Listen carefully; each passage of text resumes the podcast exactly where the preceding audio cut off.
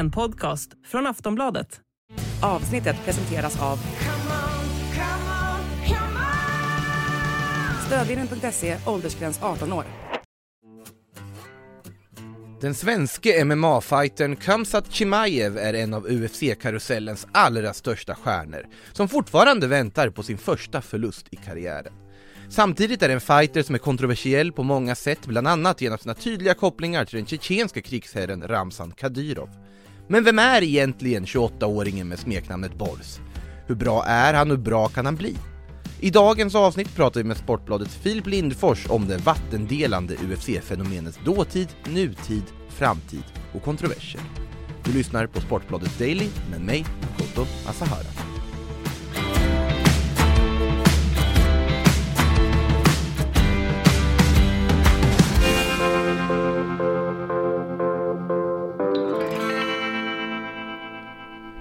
Ja, Filip, Kamsat Chimaev eh, är ju den senaste, ja, svensken som är känd i UFC-karusellen. Vi har ju haft några genom åren som Alexander, The Mauler, Gustafsson och så vidare. Men eh, det känns väl som att det här verkligen är någon som håller på att övertrumfa de här gamla? Ja, det har han redan, det har han redan gjort på eh, många sätt och vis. Visst, eh, Alexander Gustafsson, The Mauler, tog ju vad man ska säga MMA och UFC cirkusen till Sverige när han hade sina eh, titelfighter och eh, hade de här eh, stora eventen då på Tele2 och eh, Globen. Men det Chimaev har uppnått på en så här kort tid har ändå fått en större genomslagskraft ändå i hela MMA-världen än vad då eh, Alexander Gustafsson hade under de där åren. Vi ska komma in på vad det han har gjort och vi ska komma in på de kontroversiella bitarna med ändå den här, det här stjärnskottet inom UFC. Men till att börja med, vad, vad, vad kommer han ifrån? Vad är det för bakgrund han har inom sporten? Ja, han är ju född och eh, uppväxt i en början i Tjetjenien. Född 94, första maj. Eh, brottades i uppväxten i Tjetjenien Flyttade till Sverige när han var 19 och eh, hamnade i Kalmar. Han hade ju som sagt gjort, brottats i Tjetjenien mm. men fick sin MMA-utbildning, MMA-skolning i Kalmar. Och, eh, han har familjen kvar i, i Kalmar. Eh, bröder, systrar, brorsan Artur var den som eh, fick in honom på MMA som också eh, håller på med det där. Sen fortsatte han, eh, han fortsatte brottas när han kom till Sverige. Han är ju trefaldig svensk mästare i fristilsbrottning. Och sen då tog ju, tog, han tog sig vidare då vi liksom till Stockholm och den absolut kändaste och största eh, MMA-klubben som heter Allstars då, samma som Alexander Gustafsson eh, och Ilir Latifi med flera har tagit sig igenom. Och eh, när han liksom tog sig till UFC via, eh, med hjälp av Allstars då, så det är många i, det är många i MMA och kampsportsvärlden som kanske har lite bråkiga bakgrunder och kanske inte kommer från eh, jätterika förhållanden och sådär. Många eh, världen över som liksom hävdar så här, ja det finns ingen som tränar hårdare än vad jag gör. Jag, jag bodde på gymmet i princip. Det finns en video från när, eh, som Chimaev la ut då 2019 eller om det är 2018, när han filmar då när han faktiskt bor på gymmet och han säger att det är många som hävdar, som säger att ja, jag lever i princip på gymmet, men kolla här, jag bor bokstavligen på gymmet, när han i en video visar upp mm. då hur han bor där på, på Allstar. Men han, som sagt, han slår igenom där senare också, gör mycket resultat och uh, vinner matcher och sen så kommer han ju in till, uh, till UFC-karusellen och där har det ju bara gått spikrakt uppåt. Han har ju vunnit varje match, han inledde väl med att slå rekord i ja, snabbaste tidsperioden du kan vinna både två segrar och tre segrar för han gick ut och slogs hela tiden och tog fighter men vann dem också överlägset ändå. Ja, och det har varit hela hans karriär i princip. Alltså om man kollar bara på hur han var i eh, brottning, hur han eh, ja, klart och tydligt vann de här tre svenska eh, mästerskapen.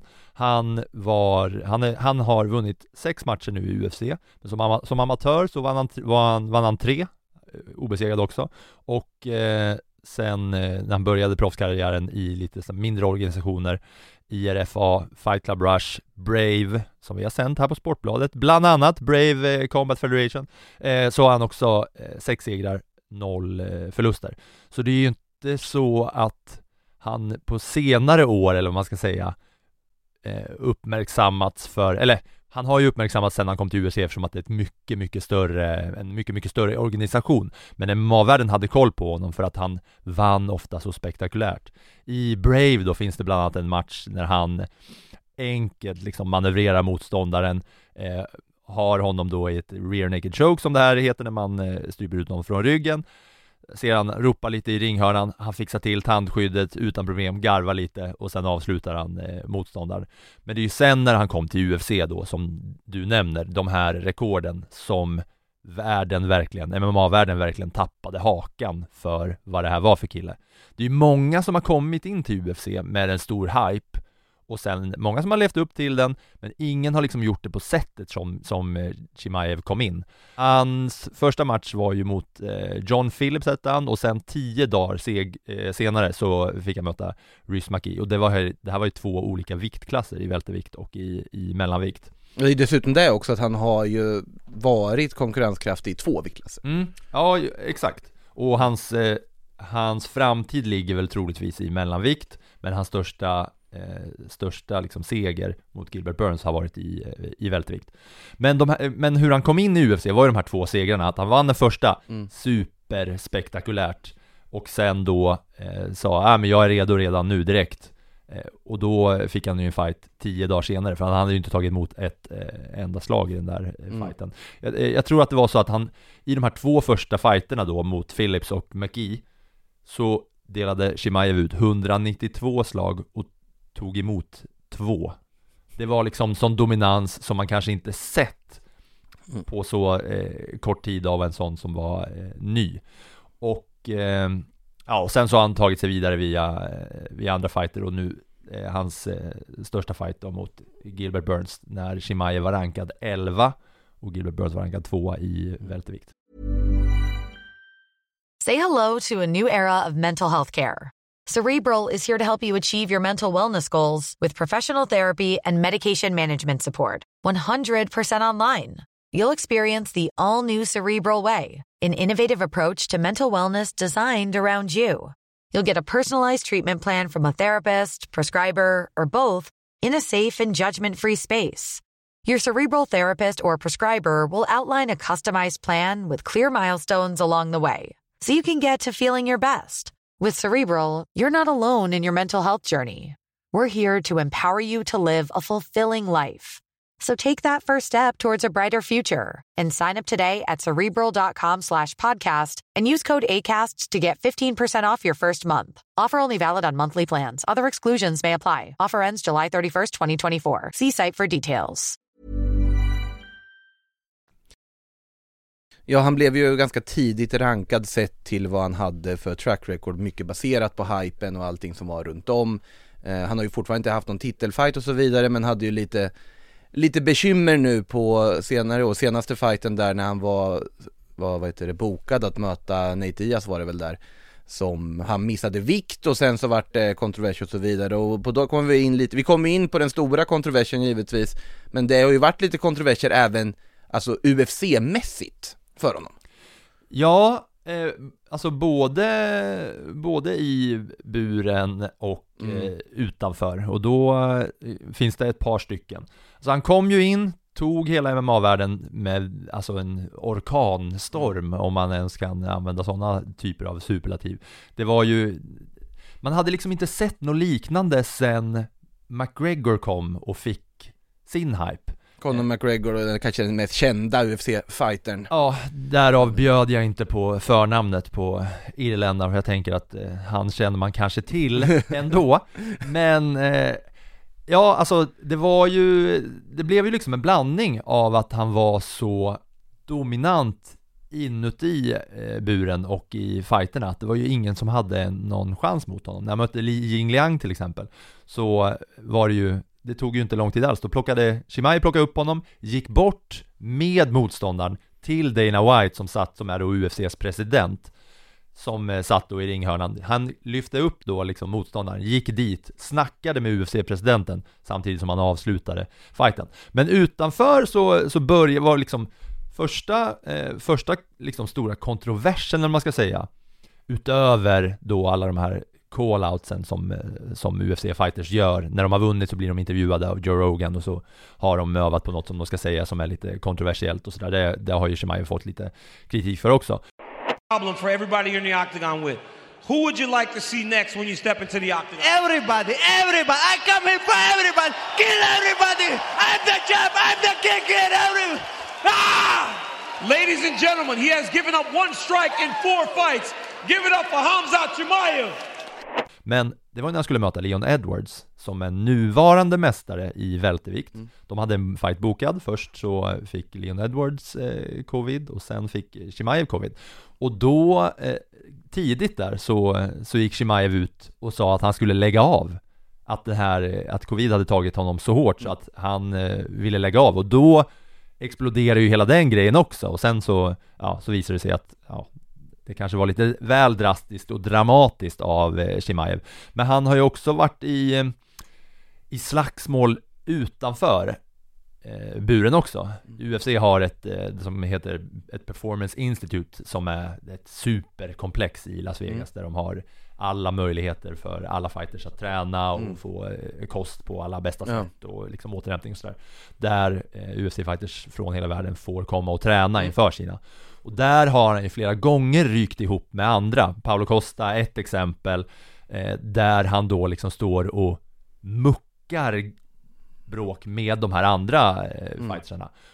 Och det är svårt att veta om det här är då ett spel för att det ska hypas upp eller om Chimaev är så här. För att de här grejerna blir ju stora i MMA-världen. När det liksom smäller utanför Mm. Men de sticker fighterna. ju inte ut utanför. Nu, nu i och för sig UFC som organisation jobbar väl ganska hårt för att på så vis bli mer rumsren om man ska säga så. Ja, och det har de ju gjort, det har de gjort sedan starten, när eh, Dana White och de eh, tog över, när de började med eh, dokusåpan då, The Ultimate Fighter som, som Ja. räddade alltihopa. Det har de ju jobbat stenhårt med. Men samtidigt så MMA-media världen över uppmärksammar ju de här grejerna. Och det jag nämnde här på Performance Institute, det är ju inte det enda. Det har ju även varit på UFC 280 till exempel, när eh, Islam Makhachev tog titeln av eh, Oliveira, då hamnade Chimaev i, i bråk med hela det här teamet som är ett team från Dagestan, alltså Khabib eh, Nurmagomedovs team. Och de regionerna är ju nära varandra, Tjetjenien, Dagestan i den delen av av Ryssland också som Chimaev kommer från från början eh, Där de liksom så här, eh, började bråka utanför buren på ett UFC-event där Chimaev inte ens skulle gå en match Viktigt, vissa saker som är värda att poängtera för, för er som lyssnar också. UFC var ju några av dem som, ja, sket i pandemin kan man väl säga och bara körde på även om det var på, på andra orter och så vidare och utan publik så var ju de väldigt tidiga med att bara fortsätta köra sina galor. Eh, och det är också dessutom en organisation som har låtit ryssar tävla trots eh, det som pågår i Ukraina. Ja, och eh, även helt okommenterat Samtidigt som idrottsvärlden, många tog avstånd efter att eh, Ryssland klev in i Ukraina Så har ju ryska idrottare fått, eh, liksom, de har bannats och man har fått tävla under neutral flagg och sådär. UFC struntade ju totalt i den grejen. Och just det du nämner under, under covid var ju att eh, hela idrottsvärlden la ju ner Medan UFC och Dana White sa, vi kommer hitta ett sätt att lösa det här. Och då på det sättet att Dana White berättar, vi har köpt en ö. Vilket inte riktigt var, Fight Island. var sanningen, ja men eh, Jazz Island, eh, Ja. eh, Fight Island som de, eh, som de då körde på. Det var där Chimaev fick genombrottet. Ja, under den tiden för att då hade de Sett till att de, där hade de liksom tillåtelse, där kunde de köpa sig rätten att få Mm. utöva organisationen för det kunde de inte göra i USA när hela idrottsvärlden stängde ner. Men det var ju där Chimaev eh, kunde slå igenom de här tio dagarna emellan. Say hello to a new era of mental health care. Cerebral is here to help you achieve your mental wellness goals with professional therapy and medication management support. 100% online. You'll experience the all new Cerebral Way, an innovative approach to mental wellness designed around you. You'll get a personalized treatment plan from a therapist, prescriber, or both in a safe and judgment free space. Your cerebral therapist or prescriber will outline a customized plan with clear milestones along the way. so you can get to feeling your best. With Cerebral, you're not alone in your mental health journey. We're here to empower you to live a fulfilling life. So take that first step towards a brighter future and sign up today at cerebral.com slash podcast and use code ACasts to get 15% off your first month. Offer only valid on monthly plans. Other exclusions may apply. Offer ends July 31st, 2024. See site for details.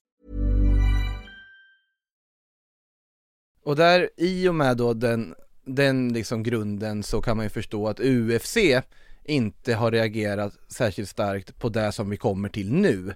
Eh, för det är ju så att det är, finns en ganska kontroversiell, eh, kanske det mest kontroversiella med eh, Kamsat Chimaev är ju hans väldigt nära relation till Ramzan Kadyrov. Ramzan Kadyrov, då alltså den tjetjenske krigsherren och presidenten där som ja, bland annat kallas Vladimir Putins attackhund i media för att det är en av Putins allra närmaste allierade, en president som gång på gång har brutit mot eh, alla möjliga former av brott och krigsbrott och allt möjligt. Eh, men också då som sagt en väldigt nära vän till Chimaev, åtminstone vad det ses utifrån, där de poserar på bilder väldigt ofta tillsammans. Eh, Kadyrov var bland annat på Kamsat Chimaevs bröllop som, som också dessutom ägde rum på, i Tjetjenien.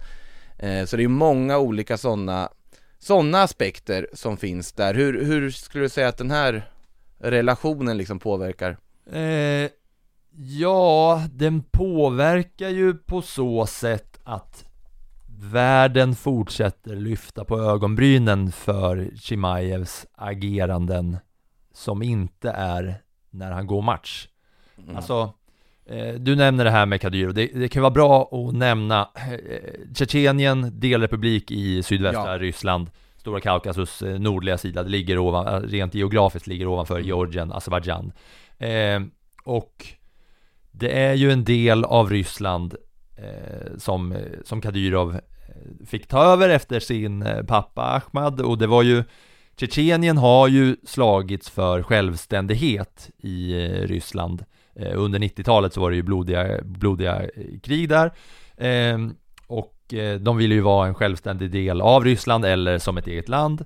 Men under då 90-talet så kovände Ahmad Kadyrov som var Ramzan Kadyrovs pappa mm. när han gjorde en deal med, med Putin. Putin var dåvarande premiärminister i Ryssland och så fick de fria händer att bygga och återuppbygga den här delen då, Tjetjenien av, av landet. Kadyrov fick ta över som 27-åring som, som president Ramzan då alltså? Ramzan ja. Kadyrov eh, fick ta över som 27-åring som president Och det har ju varit gradvis minskade, med minskning av mänskliga rättigheter där eh, Motsätter man sig presidenten så, så, kan, så kan man gripas och, och eh, torteras Det är ju många, det är ju människor som har liksom kidnappats och eh, tvingats till erkännanden i livesänd TV eh, där, alltså tjetjenska regimkritiker som har liksom lämnat Ryssland har blivit mördade i Berlin, i Turkiet. Det har varit mordförsök i Sverige också, i Gävle eh, 2020 så var det en regimkritiker eh, som heter Tumso Abdurrahmanov eh, som har en YouTube-kanal med Eh, vid den tidpunkten hade han 265 000 följare som kritiserade eh, Kadyrov och styret i, ehm, i Tjetjenien och eh, människorättsbrotten då. Eh, han hotades av tjetjenska parlamentets talman Magomed eh, Daudov och sen vaknade han upp då eh, i februari 2020, vaknade upp i sin lägenhet i eh, Gävle av att en man stod där med hammare och slog honom i huvudet. Han klarade sig och lyckades övermanna den här eh, angriparen och sen de här spåren ledde till eh, Kadyrov-regimen. Och det Shimaev har som koppling är ju att han ofta syns med Kadyrov. Eh, han sitter vid honnörsbordet på middagar som Kadyrov har, han gör hans semestrar där, han lägger upp hyllningsinlägg på sina sociala medier och syns väldigt ofta med Kadyrov. Och det här är ju en typ av det är ju en typ av sportswashing eh, som som sådana här eh, hårdföra länder mm. ofta sysslar med, att synas med stora, eh, populära världsstjärnor mm. inom, inom olika eh, sporter för att på så sätt framstå eh, som liksom häftiga och, och coola och, och, här, och här är det ju verkligen alltså ännu mer osminkad sportswashing. Den är så direkt på ett helt annat sätt och sen också när det är så pass, i det här läget som det är, en ja, tydlig eh, krigsförbrytare och eh, ja, krigsherre som, som genomför den. Ja exakt, det är ju en taktik ifrån eh, Kadyrov och eh, tjetjenskt håll där att liksom de vet att det gynnar, det, man gynnas av att synas med sådana här stora eh, stjärnor. Och, och Chimaev är ju, som vi försökte nämna, han är ju ett av de största namnen i hela UFC-organisationen och framförallt ett av de största namnen som inte är nuvarande mästare, som inte ens har gått en titelmatch i UFC. En, en omöjlig fråga att svara på kanske, men hur tvingad är Chimaev till det här? Det är också någonting man får ha i åtanke kanske. Ja, och man ska ha absolut största respekt för att ett sånt här styre kan du liksom inte sätta dig upp mot, och särskilt inte om du har rötterna där, att man har, det har ju liksom, finns ju bevis för att människor som sätter sig upp mot det här förföljs. Så man måste ju ta, ta in att Chimaev då gissningsvis är medveten om vad som kan ske om man inte då ställer upp när man får de här påtryckningarna eh, att ställa upp tillsammans med Kadyrov. Men å andra sidan så är det så mycket mer som Chimaev har gjort eh, som, som tyder på att så kanske inte är fallet. Han har ju fått mycket liksom presenter och, eh, och gåvor från eh, Kadyrov Fick en Mercedes-Benz som han sen kraschade ett par månader efter han fick den Han tränar Kadyrovs söner som också eh, ska hålla på med MMA Den ena har gjort eh, den ena har gjort sin professionella debut, gjorde han i en rysk organisation som heter ACA Där var Chimaev i eh, den här sonen då eh, som kallas Ali. Eh, Chimaev var i hans ringhörna och, och coachade honom, han tränade den andra också det har ju kommit videos när Kadyrov och Chimaev har sparrat med varandra Visserligen, det är ju lite roligt, eh, liksom, det är lite mer på kul sådär Och nu på senare så har Chimaev skaffat sig en registreringsskylt på sin bil här i Sverige som, där det står Dustum som är smeknamnet på Ramzan Kadyrov och eh, namnet på en av sönerna. Transportstyrelsen har godkänt den här eh, registreringsskylten som Chimaev åker runt med. Så det finns ju en hel del eh, som, som man lyfter på ögonbrynen för när det kommer till relationen mellan den här superstjärnan inom MMA och eh, krigsherren i, i eh, Tjetjenien. Ja, det, det är ju väldigt svårt att inte se, se det som problematiskt så att säga. Likväl UFC som sagt, de, de har inte tagit någon ställning eller någonting åt något håll. Alltså vi har sett vissa fighters, Jan Blachowicz var ju ute bland annat och sa att om, om det är så att de är vänner så, och på det här sättet så då har han också blod på sina händer. John Blachowicz, eh, före detta mästare i lätt tungvikt. Mm. Eller ja, i lätt tungvikt. Precis. Eh, Men om man går tillbaka till det sportsliga som sagt, han är en av sportens största stjärnor. Han har ju fortfarande då inte gått den här titelfighten, han har haft lite problem med bland annat invägningar och så vidare och inte gått så mycket fighter de senaste åren. Ja, vi ska väl säga det, just du nämnde det med Mm. invägningen, det måste egentligen tas med inom de här kontroverserna. Det var när han skulle möta Nate Diaz som också Mm. har varit ett av de absolut största namnen i, och hjälpt Mm. till att bygga hela organisationen UFC. Han skulle möta Chimaev i september 2022 i eh, sitt egna då, som main event som det, som det heter, det, det, den fighten som galan byggs kring liksom när Chimaev skulle möta Nate Diaz. Och då är ju limiten för välterviktklassen det är 170 pounds, det är 77 kilo. Och Chimaev kommer dit och vä- väger in 4 kilo över. Och att, att inte klara vikten, det ses som något av det liksom minst, eller vad? Det är respektlöst Ja, det är totalt inte, respektlöst att, ja, att mot den andra fightern som har kämpat och gått ner i vikt Ja, i princip Ja. mot, mot hela sporten, att, Ja. att inte klara vikten. Och framförallt då med så mycket, och han log ju också medan han gick av där så det var ju, det det var, var mer ett flin än ett leende. ja, Eh, och, och sen så fick de ju bygga om hela det där kortet Ja, Många hävdar ju att det där helt, helt och hållet gynnade både Chimaev och hela UFC där de löste det på det här sättet att göra blev ju dock utbuad efter han slog eh, Ja. Kevin Holland där. Jo men exakt eh, Men det ska sägas att det var ju också en, en stor Mm. kontrovers Sen är det ju också viktigt att uppmärksamma att Chimaev kom ju från ingenting. Den här videon när han visar upp hur han Mm. bodde i träningslokalen till att han kommer till UFC och i UFC, så man får ju betalt för fighten, man får ju mer betalt om man vinner. Men sen så finns det i UFC eh, bonusar som delas ut då liksom av Dana White som helt och hållet bestämmer på, på egen hand. Något som heter Performance of the Night och Fight of the Night. Där man belönas med 50 000 dollar om man vinner något av det här. Och Shimaev har ju fått 50 000 dollar varje fight som han har ställt upp i. Debuten mot eh, John Phillips var det Performance of the Night. Tio dagar senare mot Rhys McKee, Performance of the Night. Gerald Mearshart som han mötte i sin tredje fight som det var ett slag så var den fighten över. Performance of the Night. Jiling, eh, Jiling Ying Liang som han lyfte upp gick Ja. fram till Dana White. Performance of the Night och sen Gilbert Burns Fight of the Night. Plus en kryptobonus på dåvarande, då, som motsvarar då 30 000 dollar i bitcoin. Det är alltså 250 000 dollar plus de här bitcoinsen som kanske inte är värda lika mycket.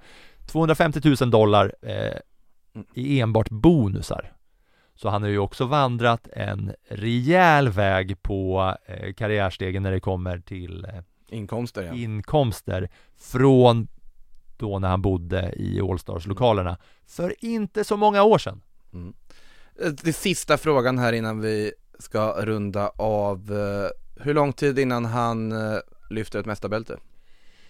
Jag har ju en liten teori om att eh, det kanske kommer bli en UFC-gala i Sverige byggd för Chimaev inom en inte allt för lång framtid. Det finns lite tissel och tassel bakom kulisserna som också tyder på att det kan bli så här att det kommer en gala i Sverige som ska byggas kring Chimaev.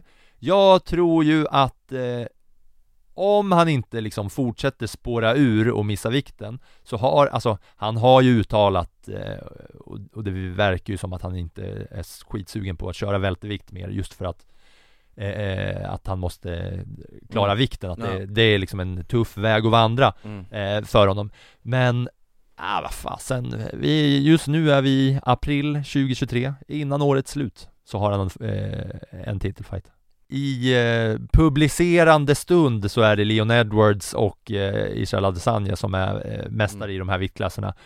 Och eh, ingen av dem är ju särskilt bra på marken vilket är där Chimaev är Ja, vi har, ju- Mest vi har gått igenom hela den långa podden och inte nämna just att det är ju brottningen som är hans stora styrka som fighter också, ändå Ja. värt att poängtera. Samtidigt som han ville visa att han var bra ståendes mot just Gilbert Burns i den här eh, fighten Mm. när Chimaev var rankad 11 samtidigt som Gilbert Burns var rankad 2 i vältervikt Mm.